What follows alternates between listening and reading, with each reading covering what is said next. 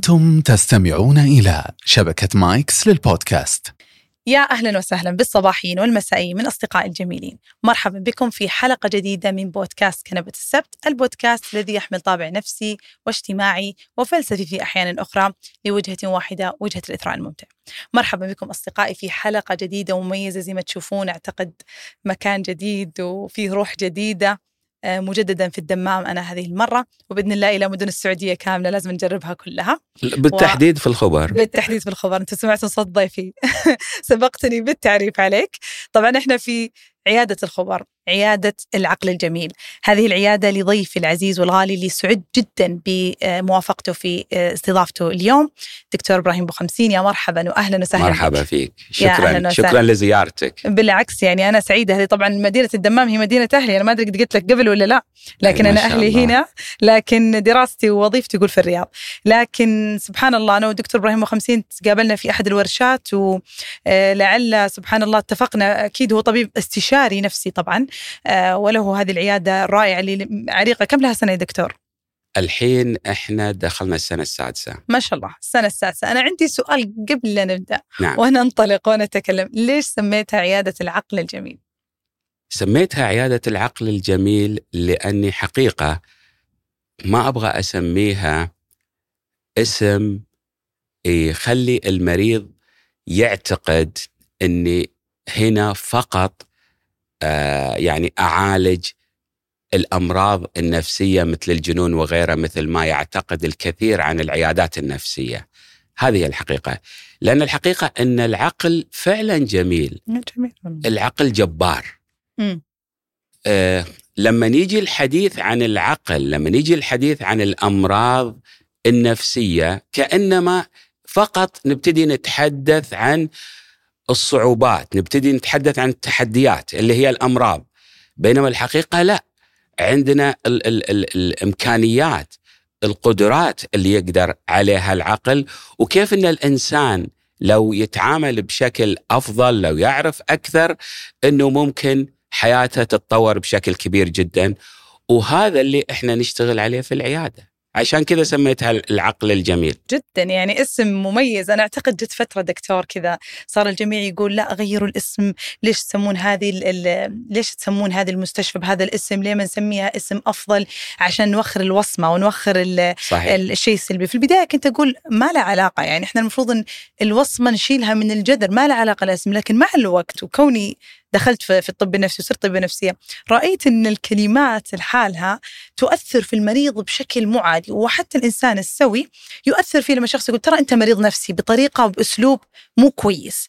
فالكلمات نفسها تؤثر لكن لما يجي شخص يقول ترى أنت لديك عقل جميل وأنت قد يكون هذه الفترة أرهق تعب دخل في عقبة.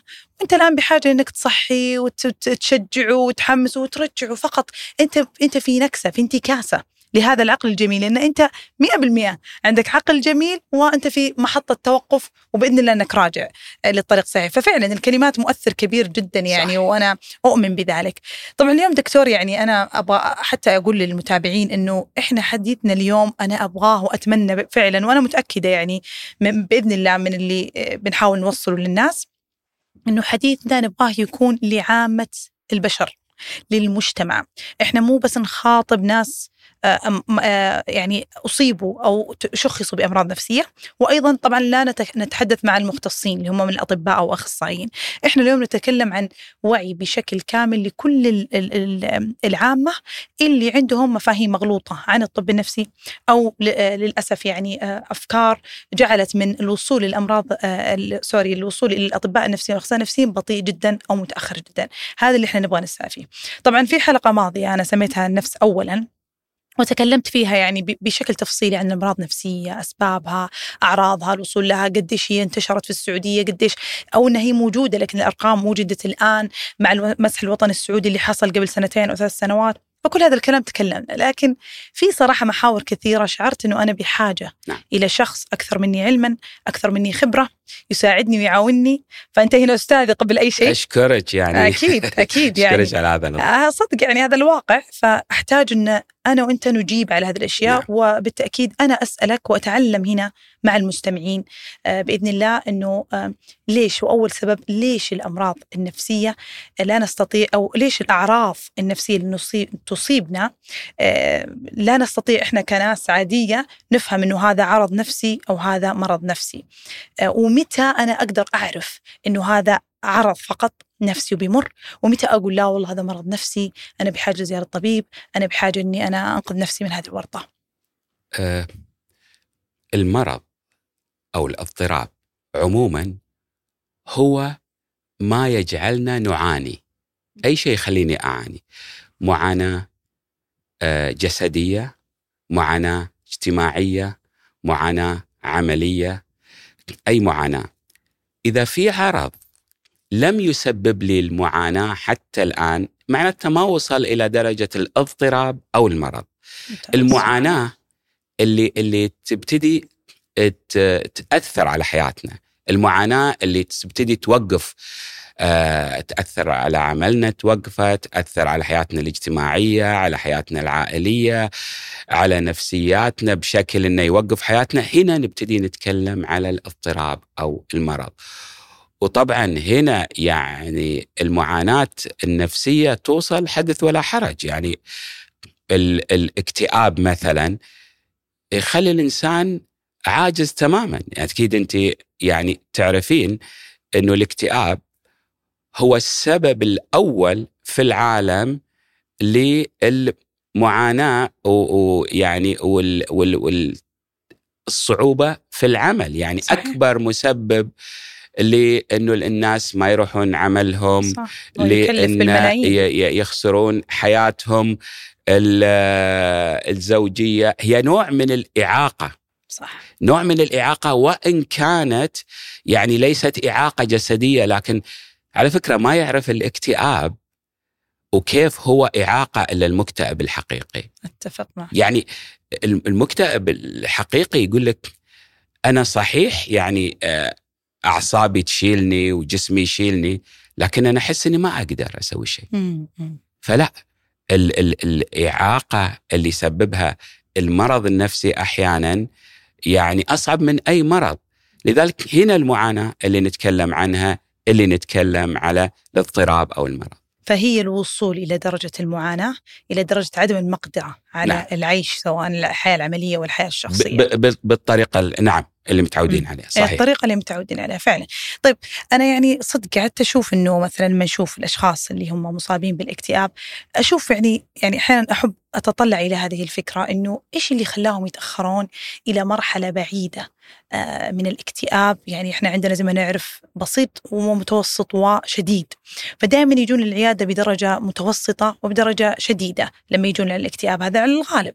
مم. فأشوف إيش ممكن الأسباب؟ لاحظت إنه في أغلب الأحيان يعني لا زال مع إني أقول لا صار في وعي صار في توعية صار في كذا إلا إنه أجد انه مثلا الأهل العائلة الشريك أو أي شخص حوالين هذا المريض إنه يق- يقول إنه لا ما فيك إلا العافية بس اقرأي مثلا قرآن ولا مثلا اقرأ آه، شيء زي كذا أو مثلا بس آه، روح اطلع تمشى حتكون أمورك طيبة فألاقي هذه الأسباب.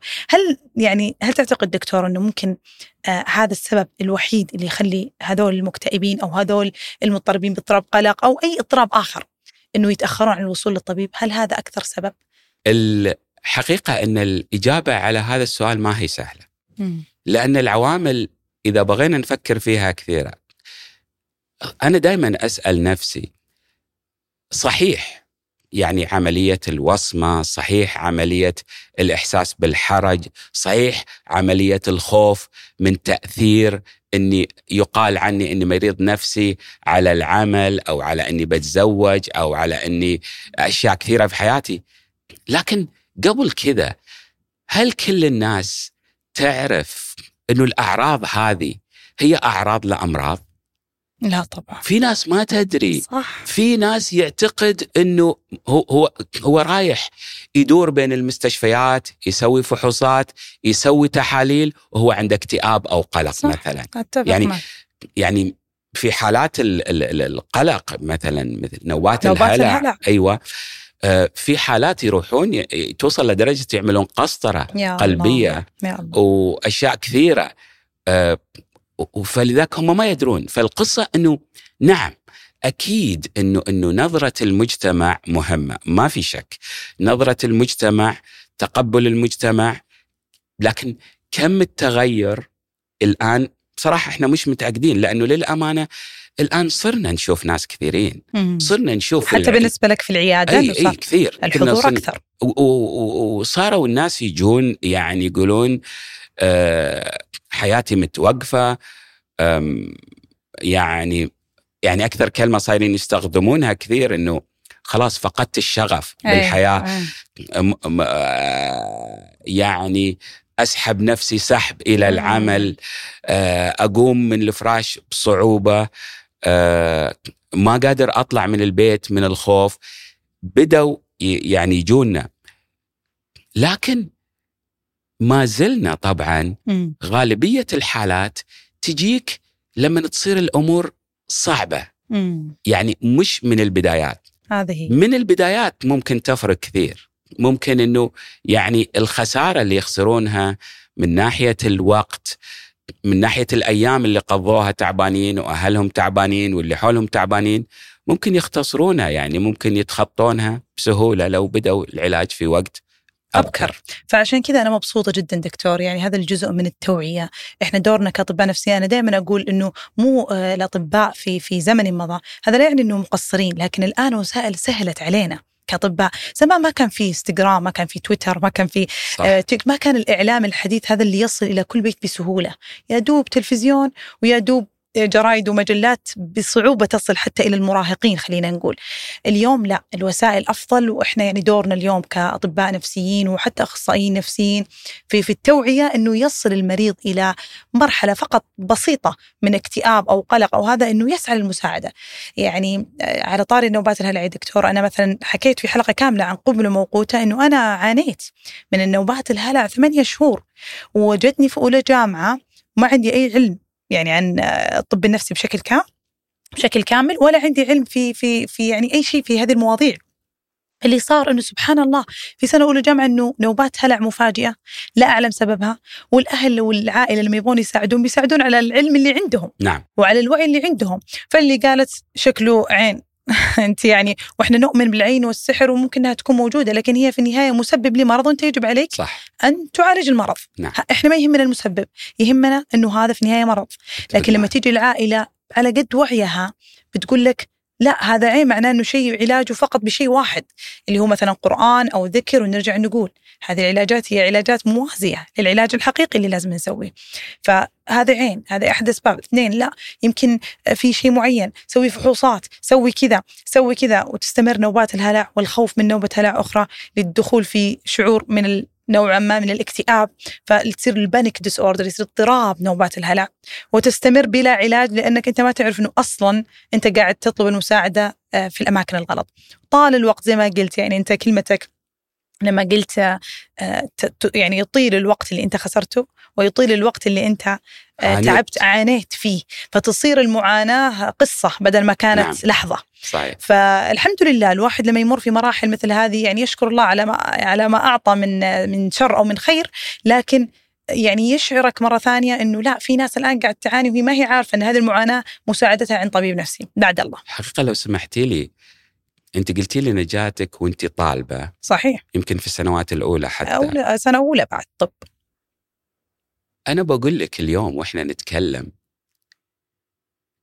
في آلاف من الطلبة والطالبات اللي ممكن ما يكملون مسيرتهم الدراسية ولا يحققون طموحاتهم فقط لأنه عندهم قلق أو اكتئاب ما عالجوه أوكي كثيرين يعني هذول الطلبة اللي يجد صعوبة مثلا في الامتحانات نتيجة القلق ويبتدي يحبط ويبت... وخلاص ويوقف من الدراسة آه، أو اللي عنده اكتئاب مم. طيب ما كل هذول بعدين حياتهم بتاخذ يعني يعني مسار يعني آخر طريق مسار آخر جدا مم. و- وكذا يعني كل هذول عندهم فرصة كاملة تقريبا الله. إنه يحسنون حياتهم وان يوصلون لطموحاتهم وأحلامهم لو مم. تعالجوا. أنا دائما أقول إنه إحنا مفروض أحيانا بعضهم يمكن ما ننتظر المفروض نروح لهم يعني المفروض نكون في الجامعات صح في السنوات كذا لأنه هم إما ينحرجون أو ما يعرفون فمفروض يعني نحاول نساعدهم قدر. ممتاز. فهذا أنا أنا عشان كذا أشوف إن التوعية مهمة جدا. يعني زي ما ذكرت يا دكتور يعني ال- ال- الطلاب يعني أحيانا أقول تفسير الشخص للعرض اللي يجيه هو اللي يجعله يكون قابع في مكان مختلف. 100% فمثلا يعني أتذكر أحد الطالبات يعني كانت كاتبت لي يعني في تويتر فتقول لي إنه أنا أشعر إني يعني إن هذا القسم صعب وإنه أنا مو في مكان الصحيح وإنه شوف التفسير إنه إنه هو صعب علي وما هو قدراتي وكذا وكذا وأنت كم واصلة؟ واصلة رابع جامعة فأكيد ال IQ حقك أو معدل الذكاء أكيد إنه عالي أنت وصلتي هناك معناه إنه ما هو نازل جدا. الأكيد إن إنك ناجحة ثلاث سنوات قبل. كيف السنة هذه تصير هي صعبة؟ إيه تلاحظ إنه أوه لحظة لا هي داخلة في قلق شديد. القلق من إيش؟ من علاقة عاطفية هي داخلة فيها. ففسرت القلق اللي هي نابع عندها من العلاقة العاطفية والإرهاق اللي قاعد يجيها من هذاك القلق الشديد وبسبب هذا القلق الشديد وصل إلى ضعف أداء دراسي وضعف تركيز فسرت إنه هي غير قادرة على الدراسة وإنها إن هذا القسم أكبر من عقليتها وأكبر من عقلها وإن هي أقل ذكاء من أن تتخطى وبالتالي كان يعني كانت في في خلينا نقول خط فاصل إنها زي ما قلت تفقد هذه التخرج وتفقد هذه المسيرة اللي تعبت فيها من أجل إيش؟ من أجل تفسير مغلوط هي عندها. ما هو عملية امم التبرير اللي تبرير يستخدمها أحيانا العقل للهروب من الألم الشديد مم. في الحالات هذه تأخذ أشكال كثيرة هنا مثلا خذت هذه يعني في ناس مثلا اللي عندهم الخوف من من الطائرة مم. اللي فوق طول. عمره ما يسافر وكذا هي هي هي يعني يقعد آه على فكرة يعني هنا هنا الناس تستغرب يعني تقول اللي ما اللي اللي ما عنده نفس حالة الخوف. يقول هذا إيش يخاف منه؟ وش بيصير يعني؟ إيه.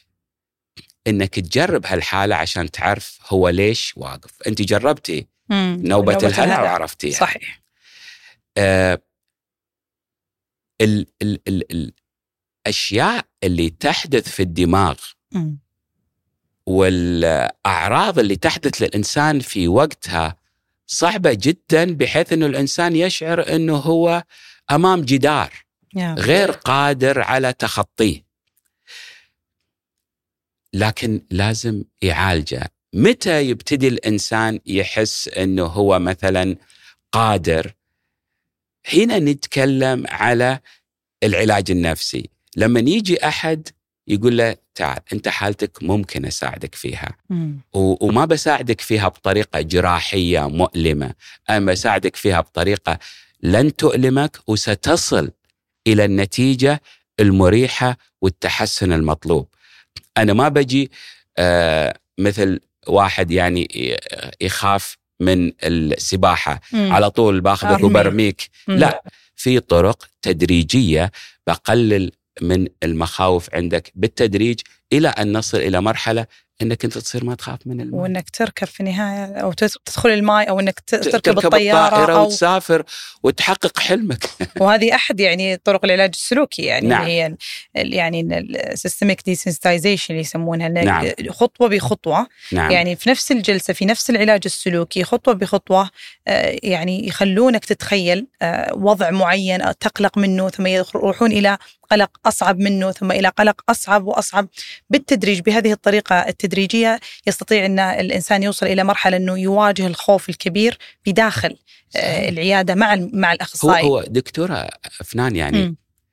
كل شيء الإنسان يجهله يعني مش بسهولة يتقبله يتقبله أو صحيح. يدخل فيه. لو لاحظتي أي شيء يحتاج وقت للتعلم والتدريب خلينا نسميها بعدين يصير في نوع من الراحة في العمل. أي شيء سواء تتكلم على تكيف تعليم نظري، آه، تعليم عملي، تدريب أي شيء إلى أن توصل إلى درجة نسميها الألفة مع مم. الأشياء فالخوف هو نوع من خوف من شيء مجهول يعني يعني ال- ال- اللي خايف خايف من حاجة يمكن تصير يدري عمرها ما صارت ولا مم. عمرها صارت له. لكن طول الوقت إنه يمكن تصير يمكن تصير يمكن تصير فكيف أنت توصله إلى درجة انه شوي شوي يبتدي يصل إلى التعرف على منطقة اللي خايف منها التعرف على ال ال ال ال ال خلينا نقول الموقع الأشياء الأحداث الأشخاص كل هذه وخلاص. والتعارف معهم والألفة مع الأشياء هذه وكذا بعدين تصير عادية وما تخاف. يعني هي هالنوع. غير كذا لا ما حيقدر.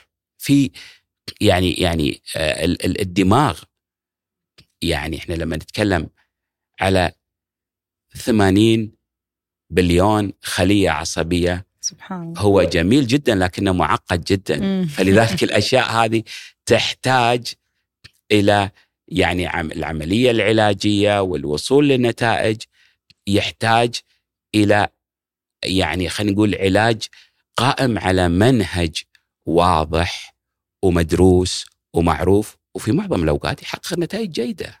الحمد لله الحمد نعم. لله. وشفنا فعلا يعني حتى علميا بالنسب يعني إنه قديش آه، آه، العلاج السلوكي مثلا فعال وقديش إنه آه، بنسبة تقريبا 50% إلى 60% مثلا زي اضطراب الاكتئاب خلال السنة الأولى يعالجون بشكل تماما. صحيح. بشكل يعني الحمد لله يروح منهم تماما خلال السنة الأولى لو كان في يعني خلينا نقول التزام بالعلاج الدوائي صح. والسلوكي.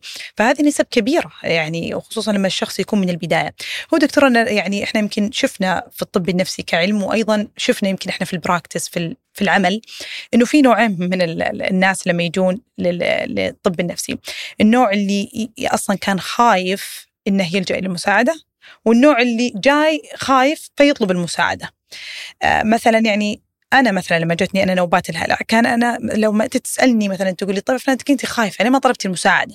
ليه ما طلبتي خلاص روحي مثلا الطوارئ اطلبي مساعدة تجيك خفقان يجيك كذا بتشعرين. أنا كان عندي خوف إنه يقال لي شيء أنا ما أبغى أسمعه. كان عندي خوف إنه أنا يقال لي شيء من الأطباء أو مثلا من الطبيب. قد مرة واحدة من البنات في الجامعة قالت زي إنه شوفي طبيب نفسي قد تكون هي بوعي أفضل أو عائلتها كانت بوعي بوعي أفضل. فلما سمعت كلمة طب نفسي شوف أنا اولى طب كنت اولى طب لا يعني لا زلت أفقه في الطب شيئا يعني. فما قالت بس كلمة طب نفسي أنا قلت لا.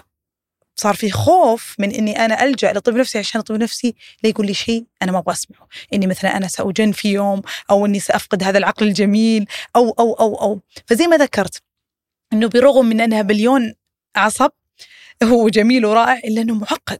طب أنت خايف أنت تطلب المساعدة؟ لا. ففي هذه ال defense mechanism اللي هي وسائل الدفاعية في في يعني خلينا نقول حماية النفس من ألم أكثر من صح. ألم أكبر وهي ألم وهمي. غير حقيقي وغير موجود. فالفكرة اللي قلتها قبل شوية أنا أحبها فعلا إنه إحنا التطمين التدريجي. نعم. إنه فعلا يعني إحنا كأطباء إحنا إحنا نبغى نقول تعال شوي شوي شوي شوي. إحنا ما زي ما قلت ما بنرميك ما بنرميك في ال- في الشيء اللي أنت تخاف منه. بالعكس إحنا بنطمن بنطمنك دائما. يعني بعد الله يعني إنه إحنا بنكون ال- ال- الطمأنينة إن شاء الله والألفة اللي إحنا نوصلك إلى إذا ما قدرنا نساعدك بشكل كامل بالتأكيد إحنا ما حنضر. صحيح وهذه هي قاعدة الطب الأولى نعم. يعني هي هي فكرة يعني مشكله الناس مع ال... خلينا نسميها الأمور العقلية والنفسية مم. إنما ك... كأنما في هالمنطقة هذه هو لازم يكون كامل مم. يعني ما عنده مشكلة آه، يمرض في الجهاز الهضمي في القلب أيوه ليش في العضلات ما عنده مشكلة. هذه ما تشكل له. نقص. هنا كأنما صار في نقص. اي سبحان الله. ما يصير. كامل وجه الله سبحانه وتعالى. سبحان الله وإحنا نمرض. نمرض. كلنا نمرض. هذا شيء طبيعي. ما في أحد ما يمرض. أوكي. ولما نمرض نمرض أمراض متنوعة. ممكن زي ما قلنا نمرض في الجهاز الهضمي ممكن نمرض اوعيه ممكن العضلات وممكن يجينا مرض نفسي. هذا يعتبر أيضا مرض. لا يعتبر نقص لا يعتبر إنه إنه أقل. مشكلة يعني بعض ال المفاهيم عند الناس إنه والله وهذه لازم نأكد عليها. يعني لما يجون يقولون أنت عندك ضعف إيمان. مم. أه ولا أنت ما عندك إرادة. مم. هذا مش صحيح. ما له علاقة. ما له. هذا مرض. يعني أنت مثلا واحد عنده ربو بتقول له أنت عندك ضعف إيمان ولا ما عندك إرادة؟ طيب. على فكرة الربو نفسه من قبل كان يعالج بطرق مثل العلاج النفسي مثل ما تعرفين واو يا الله نعم. والله ما أعرف المعلومة إي بالقراءة وبالأشياء مم. وبكذا يعني يعني ما كانوا مؤمنين فيه كربو لسه ما كانوا ما وصلوا ما لا. بس نفس الشيء كانوا يستخدمون علاجات كذا. ونفس الشيء ال- الصرع طيب. ما أي الص- الصرع صحيح الصرع كانوا طيب. يعتبرونه جنون يعني طيب ما الصرع بعدين وجد إنه علم الصرع ما هو الصرع هو إيش؟ اختلال في كهرباء الدماغ أوكي؟ وإحنا العلاج نستخدمه عشان ننظم هالكهرباء الكهرباء. هذه وخلاص. طيب نفس الفكرة فهنا ترجع إن النا- إن الناس كيف تفكر؟ كيف تقرن الأشياء وعلى أساسها تحدد فاللي يجي بعدهم خلاص بيمشي على اللي قالوا على هذا. النهج لا مم. كوني مريض نفسي لا يعني إني أقل لا يعني إني أنا آه إنسان آه يعني أضعف. لا يعني إني إنسان إيماني أضعف. لا يعني إني إنسان مختل.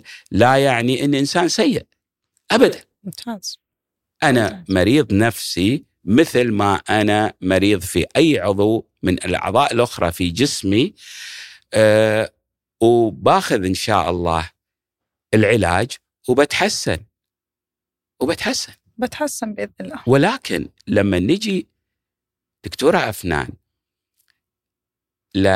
للعمليه هذه لما نتكلم على ال- ال- العلاج النفسي ونتكلم عن الطب النفسي لازم برضو الناس تعرف إن إحنا مش فقط نتكلم على المرض إحنا نتكلم على الحياة كلها أيوه هذه كلها. لازم نتكلم يعني- عنها دكتور يعني مثلا لما أنت تنقذ أسرة مم. كاملة على وشك إن يعني التشتت وكذا. وأنقذتهم. وبقت الأسرة متماسكة وجيدة. اذا أنت هنا ساهمت في إنك تقلل المعاناة ولا لا؟ تقلل المعاناة صحيح. صحيح. المعاناة مو فقط في الأمراض صحيح. في المشاكل الحياتية اللي دائما ما يعني يسبقها قبل وأيضا يجي بعدها أعراض نفسية.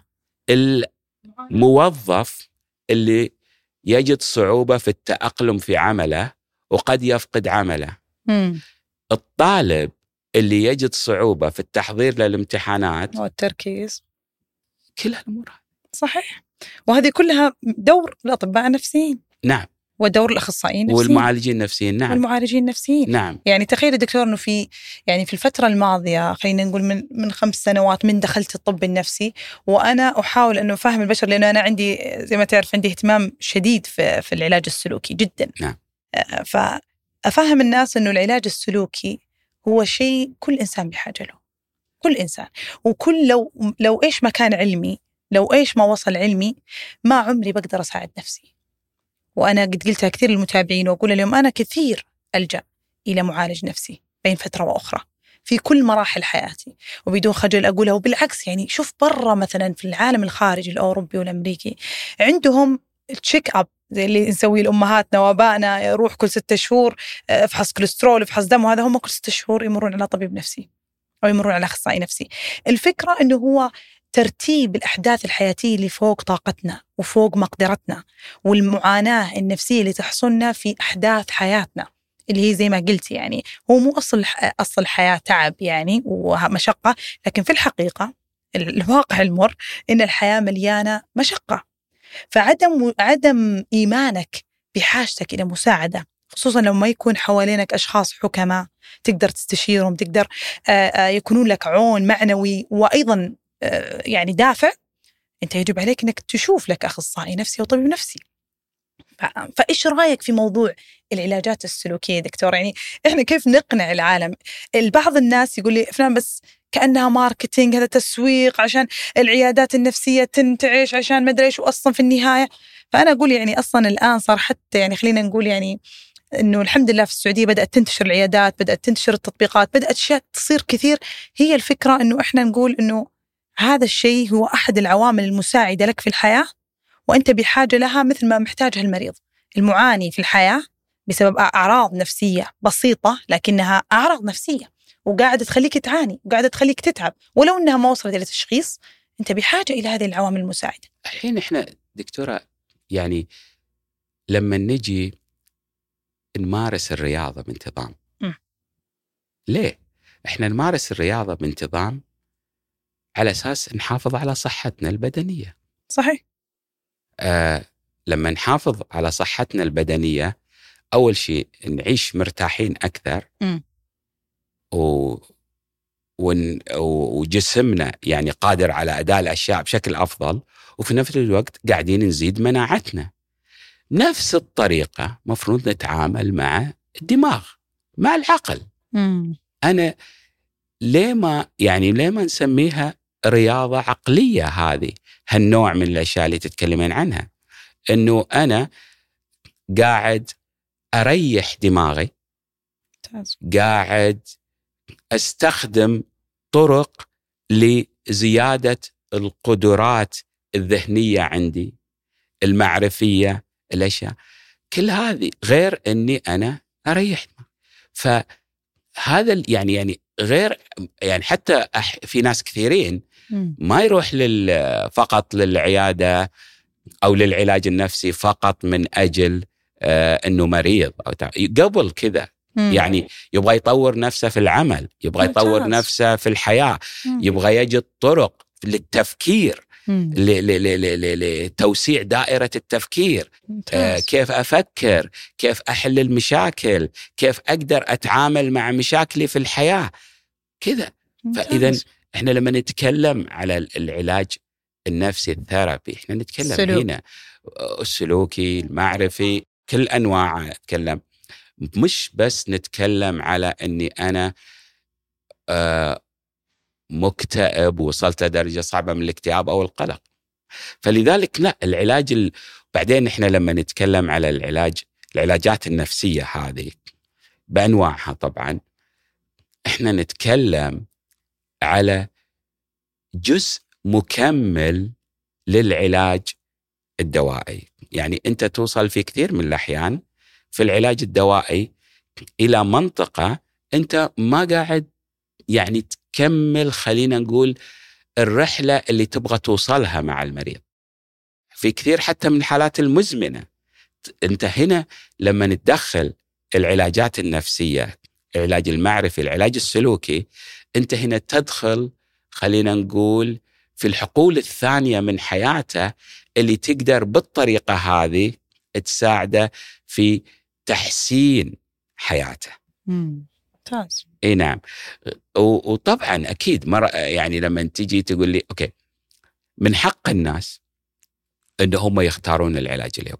صح بعض الناس أول ما يجينا يقول لنا من البداية لا تعطيني دواء يا دكتور. ما أبغى دواء صح. أنا أقول له ما عندي مشكلة. مم. أكيد. يعني يعني غير مقبول إني أجبر المريض أو أهله على دواء غير مقبول ابدا إني أ- أجبره على آلية أو إلا في حالة يعني مثلا إنقاذ حياة. يعني هنا أحيانا إذا أنت بتاخذ القرار وإنقاذ حياة ممكن لكن غير كذا لا الخيار للمريض أو لأهله. فمعظمهم يعني يطلب إنه البداية يقول بدون أدوية. أقول له ما يخالف خلينا إحنا نبتدي نقيم الحالة. وأنا بقول لك إذا إنه ممكن تتحسن بدون أدوية ابدا. بنعطيك ال- ال- ال- الكورس العلاجي وتبتدي عليه. لكن إذا شفنا إن الحالة تحتاج تدخل دوائي لا لازم يعني من واجبنا وأمانة إن إحنا نقول لك أنت محتاج تدخل دوائي. ليه؟ لأن احتمال أحيانا لو ما أتدخل دوائيا وأنت ومريض عنده حالة اكتئاب شديد مثلا ويوصل مراحل خطيرة ومعروفة المراحل الخطيرة يعني لا هنا أكون أكون قصرت. صحيح أكون قصرت آه يعني كان في فيلم مشهور أمريكي ال ال ال ال الولد اللي كان يعاني من الاكتئاب مم. واللي آه كان الدكتور الطبيب النفسي مدخله في المستشفى والولد آه، قال لاهله أنا كويس وأنا ممتاز وطلعوني. والدكتور يقول لهم أنا أقول لكم هو غير جاهز. آه، أقنعهم الولد إنه صرت كويس وكذا. لما طلع من المستشفى في الفيلم هذا راح وسوى لهم الشاي وجاب لهم الكيك وبعدين دخل وسمعوا صوت رصاصة. انتحر. وهالأشياء تصير. يعني إحنا شفنا قصص زي كذا. صحيح. أنا شفت يعني شفنا قصص بالضبط زي هذه أنا وزملائي في الرياض يعرفون القصص اللي صارت وكذا وكيف إنه ممكن هالأشياء تصير. صحيح. ال ال ال القصة إنه أنت تاخذ القرار مم. وتبلغ الأهل وهذه أمانة وتقول لهم بشكل واضح. بعد كذا إذا هم يبغون يأخذون القرار لهم بيتحملونه كيفهم لكن أنت كطبيب نفسي من واجبك إنك أنت تقول الحقائق كاملة مم.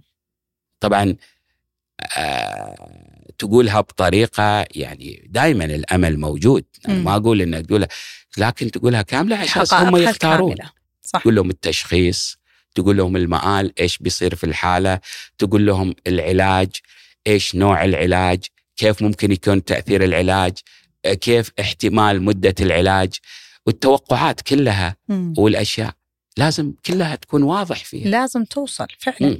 هو الدكتور يعني زي ما يعني أتفق معك بالطبع يعني موضوع الأدوية إنه كيف إنها صعبة إحنا كدورنا كاطباء ان إحنا نقنع لأن في يعني وصمة سابقة ما أدري من وين جت ومن وين طلعت.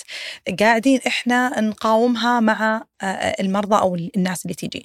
يعني قاعدين نبغى بس نحسن من صورة الأدوية هذه لدرجة نبغى آه، يعني خلينا نقول شوية ونسوق لها من كثر ما إننا نقول يا جماعة لا فيها إدمان ولا فيها آه، خلينا نقول ولا فيها آه، تعود ولا فيها شيء لكن في كم من شيء إحنا نقدر نشرحه عن موضوع الأدوية هذه ان إحنا عندنا جزء بسيط منها قد يكون فيها إدمان لكن أعراض جانبية ما في دواء وجد بدون أعراض جانبية هي الوصمه جاية على الأدوية لأنها نتيجة تلعب بالعقل نتيجة, يعني نتيجة التاريخ مم. يعني العلاجات النفسية سابقا مم. بالضرب والحبس وتغطية الرأس مم. وكي الله. هذه أشياء مرعبة وبعدين لما في السنوات الأولى من العلاجات النفسية يمكن كانت تستخدم يعني المؤثرات العقلية بشكل مم. كثير جدا مم. لأن هي اللي كانت متوفرة اللي زي إلى مم. أن كهرباء. إحنا وصلنا اليوم ولله الحمد إلى علاجات ممتازة لا تختلف كثيرا عن. العلاجات اللي أستخدمها مثلا في حالات القلب ولا الجهاز الهضمي ولا الجهاز الحركي ولا أي جهاز لكن مثل ما قلنا هي لأن لها علاقة مثلا في العقل مم. ممكن الناس آه، تعتقد كذا إنها بتخرب لا، العقل أو بتسوي فيه شيء ال- العلاجات تاريخها أتفق معك. تطورت يعني مم. الناس لازم تعرف إنه العلاجات تطورت بشكل كبير جدا جدا جدا أنا بعطيك مثال اليوم مثلا إحنا غير مم. اللي هي مجموعة المهدئات مم. خلاص البقية كلها تقريبا ما نستخدم لها اللي هي الوصفات اللي هي الخاضعة للرقابة كلها وصفات بيضاء عادية مثلها مثل كل الأدوية. فقط هي المهدئات كل الأدوية هذه النفسية ال- ال- الغالبية العظمى منها مثلا 90% ما. ندور عليها في التحاليل حقت المخدرات اللي تأثر أو الأشياء اللي تأثر على العقل واللي ممكن آه، تأثر على العمل وكذا. ما, ما, ما ندور عليها ابدا لأن ما في تأثير ما في شيء نخاف منه فلذلك يعني ال ال الناس صحيح يمكن عندها فكرة خاطئة مثل ما قلتي إنها تنوم إنها تسبب إدمان آه، إنها تأثر على يعني في ناس يقول ما بتأثر على عقلي؟ ما بتجيب لي جنون؟ أقول لك كيف؟ يعني هي تعالج من من الاكتئاب. كيف تجيب لك؟ يعني. فعلا.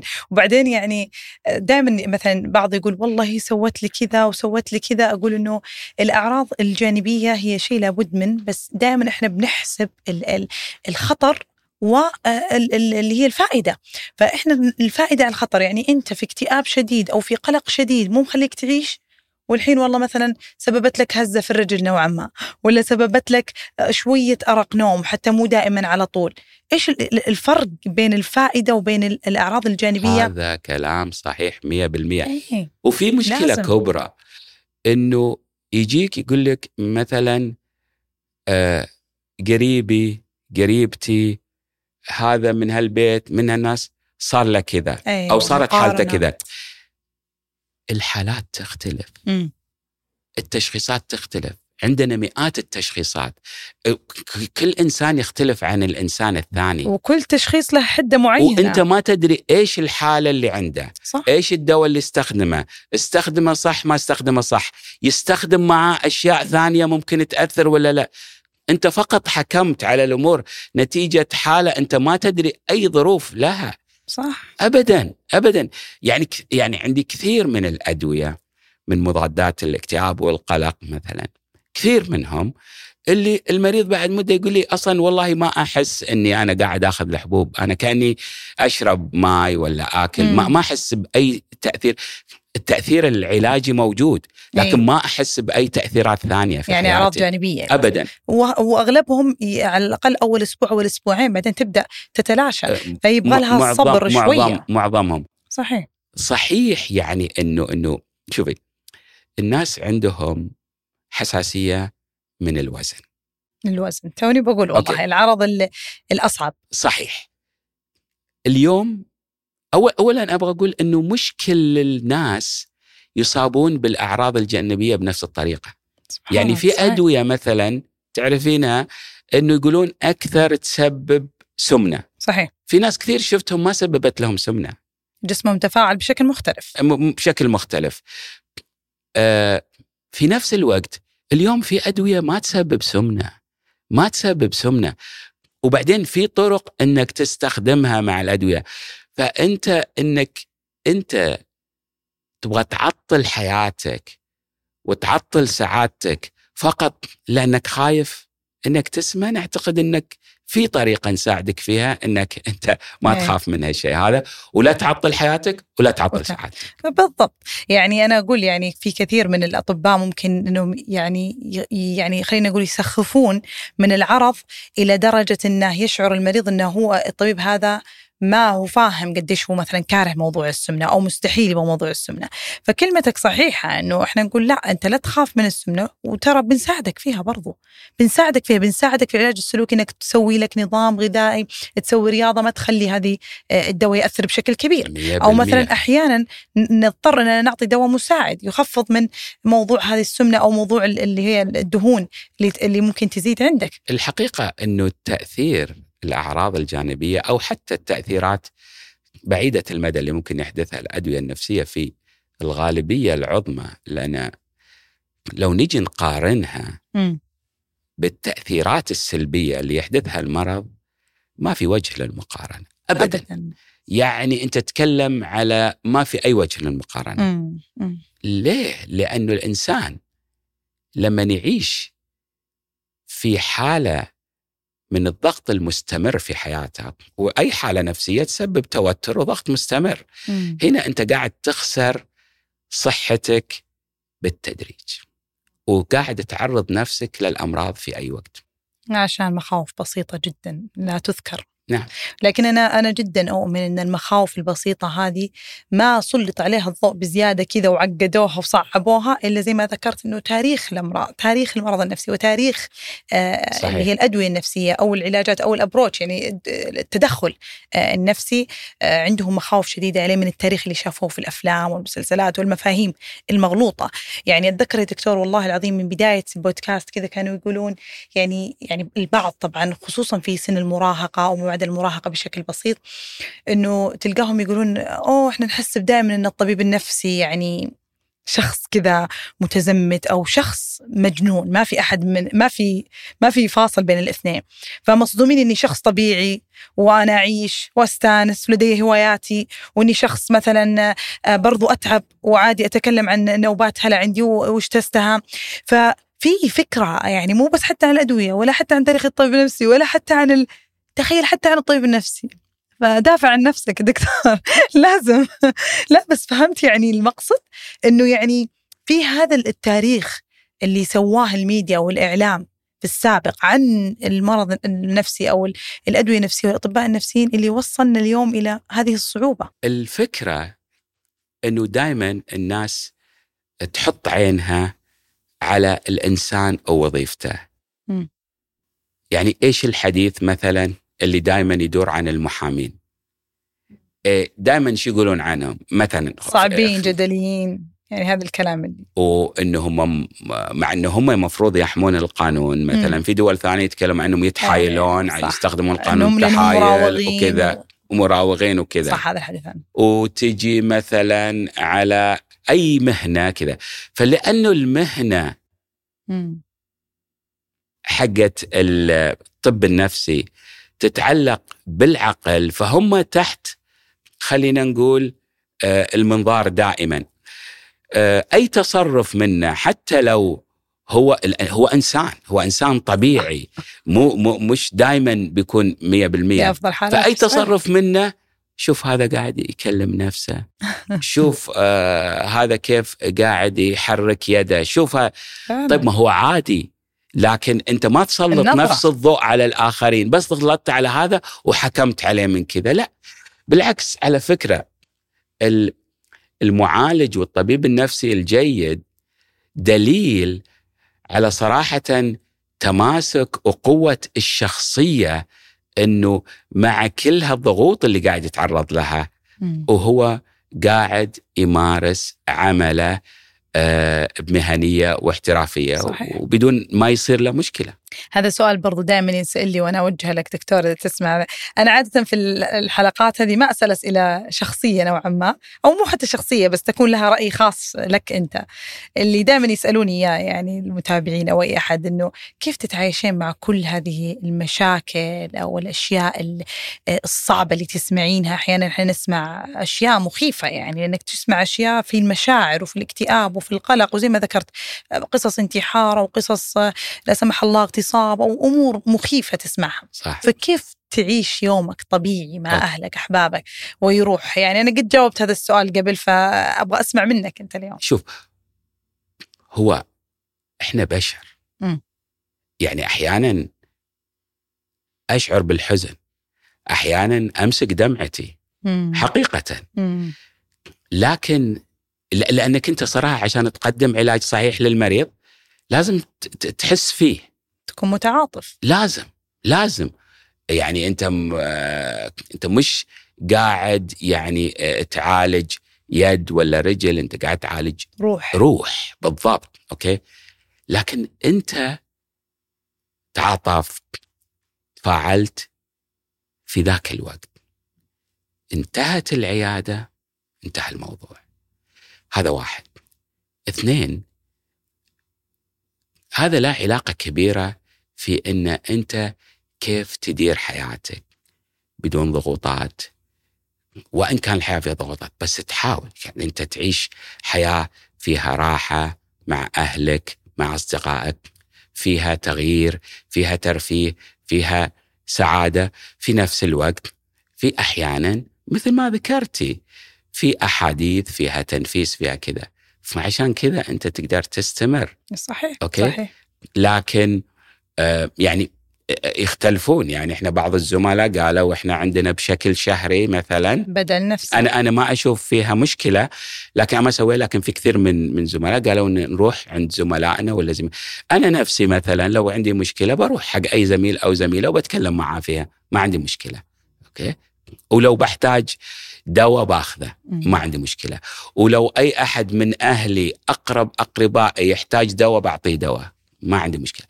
لكن كيف إني إني يعني ما آه على فكرة في شيء ثاني برضو.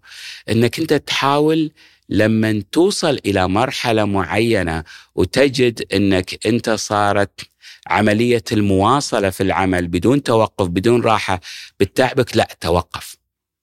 هنا توقف. اعرف الحد الليمت اللي تتوقف عنده وتصير ترتاح فيه عشان تبتدي من جديد بدون ما توصل لمرحلة إنك توصل لدرجة إنك تتعب فيها. تحترق إلى درجة إنك إي نعم. تتعب وتطيح فيصير حتى العطاء ما هو عطاء نعم. ذو كواليتي ما هو عطاء آه، فيه معنى أو عطاء فيه قيمة حقيقية. أنا أتفق معك طبعا يعني فكرة الاحتراق الوظيفي هذا في كل الوظائف يعني مو صحيح. فقط الأطباء ولا فقط الطبيب النفسي بل كل الوظائف فعلا يعني. فإحنا يعني اليوم آه، يعني أشكر آه، كلامك هذا دكتور لأنه أنت كاستشاري كبير يعني بمكانتك ما شاء الله تبارك الله أنه تذكر الزملاء أنه إحنا إذا بحاجة إلى مساعدة نطلبها، أي نعم إحنا إذا بحاجة إلى مساعدة يعني سواء ريزيدنت اللي هم الأطباء المقيمين أو آه، الاستشاريين أو أكبر من ذلك إنه إحنا في النهاية بشر ولازم إحنا آه، آه، نوقف في مرحلة معينة ونطلب المساعدة حتى لو كانت من زملاء أو من مختصين خارجيين. طيب طبعا إحنا تشعبنا كثير في الحديث وأنا جدا سعيدة في يعني كل ال- ال- الأحاديث هذه الرائعة. آه، حبيت جدا إننا دكتور حكينا عن العلاج السلوكي وانه مو فقط للمشخصين نعم. أو المضطربين نفسيا فقط. قد يكون للبشر عامة البشر اللي يحتاجون آه، معاونة ومساعدة في في جزء من حياتهم في مرحلة من حياتهم اللي هي 100% تكون تحدث لك في حياتك. ف بس برجع لهذه النقطة شوية نتكلم عنها أكثر. يعني أنا بقول إنه هل يعني من الأسئلة الكثيرة هل تعتقد إنه في الآن نقص شديد للعيادات النفسية أو الوصول للأخصائيين النفسيين اللي يعطونك العلاج السلوكي المطلوب؟ لأنه إحنا نعرف دكتور إنه العلاجات السلوكية أنواع كثيرة، ففي علاج متخصص للفوبيا، في علاج متخصص للاكتئاب والقلق، في علاج متخصص للي عندهم اضطراب ما بعد الصدمة اللي مثلا يكون جاي من حدث صعب أو من فجات له أعراض آه، صعبة صعوبة في النوم آه، أحلام موحشه عن هذا الحدث بعد اغتصاب أو بعد لا سمح الله آه، شيء مخيف حصل يعني أو حادثة مخيفة هددت حياته أو هددت غيره. فكل علاج سلوكي له دوره. صحيح. وصلنا يعني وصل للطب النفسي إنه وصل إلى علاجات سلوكية نفسية زي ال marital therapy علاج الأزواج، ال family therapy اللي هو علاج العائلة، ال supportive therapy اللي هو العلاج الدعم، هذه كلها لناس قد يكونون طبيعيين. نعم يعني أنت لما تتكلم على العلاجات النفسية يمكن أشهرها العلاج اللي هو السلوكي المعرفي المعرفي. واليوم آه، صرنا كثير نتكلم على العلاج الجدلي اللي, اللي هو طالع من العلاج السلوكي اللي له علاقة أكثر في معالجة الحالات اللي هي في اضطرابات الشخصية. يعني الشخصية البينية كثير منهم اليوم يخضعون لهذا العلاج وهو آه، علاج يساعد في عملية التعامل آه، مع الضغوط وكيف طريقة التعامل مع الآخرين، عندنا العلاج بين الأشخاص اللي هو ال interpersonal therapy، عندنا العلاج الديناميكي، عندنا المشهور جدا التحليل النفسي. مم. اللي هو كان هو العلاج الأشهر اللي هو كان. آه، أيام فرويد مم. وكل واحد مثل ما تفضلتي له علاقة عندنا لما نيجي نتكلم نتكلم عن العلاج الفردي نتكلم على العلاج الجماعي نتكلم على العلاج العائلي نتكلم على العلاج الأزواج آه كل هذه برضو أنواع وكلها تساعد يعني انت تكلمتي على إنه قبل حتى ما يحدث مرض أنت لما تيجي تتكلم مثلا على العلاج الجماعي مثلا أنا بعطيك إن عندك المجموعات المتشابهة اللي عندهم مشكلة معين معينة. لما يجون يجتمعون ويتلقون نوع من العلاج اللي في معالجة الضغوط. زائد الدعم النفسي زائد كيف يتعاملون مع المشكلة ويطلعون منها وتصير حياتهم أفضل ممتاز. مثلا هذه. واحدة منهم صحيح؟ نعم. العلاج الجماعي يعني دكتور أتذكر آه، مرة انبسطت في كان في الرياض في جمعية للفصام يمكن تعرفها نعم. جمعية الفصام لمرض يعني نفسي صعب وكبير أكيد. ويعتبر يعني 1% من العالم فهو من الأمراض النادرة في نعم. الأمراض كلها وفي الأمراض النفسية. نعم. لكنه هو اللي ممكن يصل إلى الجنون زي ما يذكر نعم. يعني البعض الآخرين أو اللي يحتاج إلى مصحات نفسية وتنويم بشكل مطول آه، إذا ساءت الحالة طبعا. نعم. فأعجبت فيه وانبسطت إنه شفت علاج جماعي لعوائل مره ممتاز ممتاز. فالعوائل طيبين خير هم عايشين حياتهم. بس إيش؟ ال ال الأهل لمريض نفسي حالته في تدهور مستمر ومتعب ومرهق يصلون إلى مراحل من الاحتراق. من التعب من ال- الإجهاد. فهم بحاجة إلى هذه العلاجات حتى يصلون إلى مرحلة من إنه أوه أنا مو لحالي هذيك العائلة. مثلا يكون أمهات في هذا فهذيك الأم زيي هذيك الأم زيي. فشعور الوحدة هذه ان أنا في ناس زيي يعني. إيه على فكرة شعور يعني هنا جدا. هنا ذكرتيني بجم مجموعات الدعم. مجموعات الدعم. مجموعات الدعم هذه فعلا إحنا نحتاج أكثر مم. أكثر بكثير. يعني مثلا أنا بقول لك اليوم مع تطور الطب وتحسن الحياة صار في كثير من كبار السن. اللي مين يرعاهم؟ اللي يرعاهم أهاليهم يعني واحد ترعى زوجته أحد آه، بنته ولده وكذا وكل الوقت هو معاه. هذول أنا أشوف منهم كثير هالأيام. بنات كثير زوجات طول الوقت مع أمها أو مع أبوها. يعني قليل ما تاخذ وقت ترتاح فيه. طب هذه تحتاج من يدعمها نفسيا. صحيح صحيح. أوكي. الأمهات اللي عندهم أبناء عندهم توحد أو فرط حركة. نعم. صحيح. هذول برضو محتاجين. كثير كثير ناس محتاجين هالجمعيات هاي. ممكن تساعدهم؟ طبعا هي أشهر الجمعيات هذه اللي هي اللي تساعد الناس اللي هم خارجين من الإدمان وكذا. مج... معروفة المجموعات هذه وكذا. مم. وهي مج... موجودة هنا وإن كانت موجودة، مش أي. كثيره بس هي موجودة. لكنها أكثر بكثير من من أي مجموعات أخرى. نعم نعم. إحنا نأمل فعلا لأنه أنا أشوف إنه كثير أنا أشجع العالم إنه يروحون ل... ل... للعلاج السلوكي لكن إحنا برضو نفهم أنا أنت وكل الأطباء إنه آه، يعني عدد الأطباء النفسيين وعدد العيادات النفسيه ما هي زي المستشفيات والتخصصات الأخرى مقارنة في الطب الباطنة مقارنة في... و- وليه؟ لأنه أصلا الطب نفس الطب النفسي أصلا تاريخه مو زي تاريخ الأمراض صحيح. الجسدية الأخرى. فبالتأكيد إن خروج أطباء يعني نفسيين في في هذه الفترة وفي حتى من قبل حتى من بداية ما دخلت أنت الطب النفسي كان العدد أكيد أقل بكثير مما هو ما اليوم. في وجه مقارنة. ما في وجه مقارنة. و- فالأمور إلى أفضل بإذن الله في القادم. بكثير. يعني اليوم اليوم إحنا مفروض نركز على كيف ان, إن نساعد آه، ال- المعالجين النفسيين سواء كانوا الأخصائيين أو الأخصائيات النفسيات، سواء كانوا الأخصائيين أو الأخصائيات الاجتماعيات، سواء كانوا الإرشاد، كل هذول المجموعات صراحة. صعوبات التعلم، أي واحد في هذا المجال مفروض إنه إحنا نعمل منهم فرق. مفروض نساندهم ومفروض نطورهم ونتطور معاهم صراحة يعني. مفروض.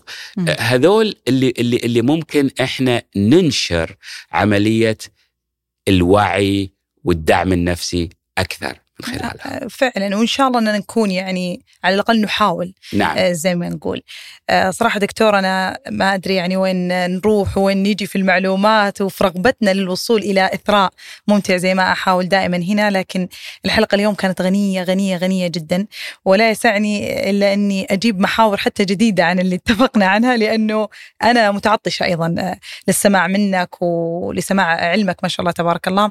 وأيضا يعني سعيدة بإذ- يعني بإذن الله أننا نكون وصلنا مع الناس آه، إلى إثراء يصل بهم إلى آم، حقيقة أن الطب النفسي هو ليس شيء مخيف أن الطب النفسي هو ليس شيء آه، مجهول. الطب النفسي مثل أي التخصصات الأخرى هو فقط آه، مساعدة هذا العقل الجميل وأيضا آه، معرفة أنه هذا العقل الجميل قد في أي وقت يتعب ويرهق. صح لكن يعود. يعني يقف من جديد زي ما جسمك ومناعة جسمك تسقط تدخل أنت فلو ولا تعب ومهما يعني وعلى حسب طبعا المرض اللي تطيل تطيل فيه أو أو يقص يطال أم قصر في النهاية بإذن الله العلاج موجود بعد الله والأمل موجود وليست الأمراض النفسية ليست أمراض آه، كلها دائمة. البعض يتعالج في سنة في سنتين في في ثلاث سنوات وعلى حسب آه، التزامه.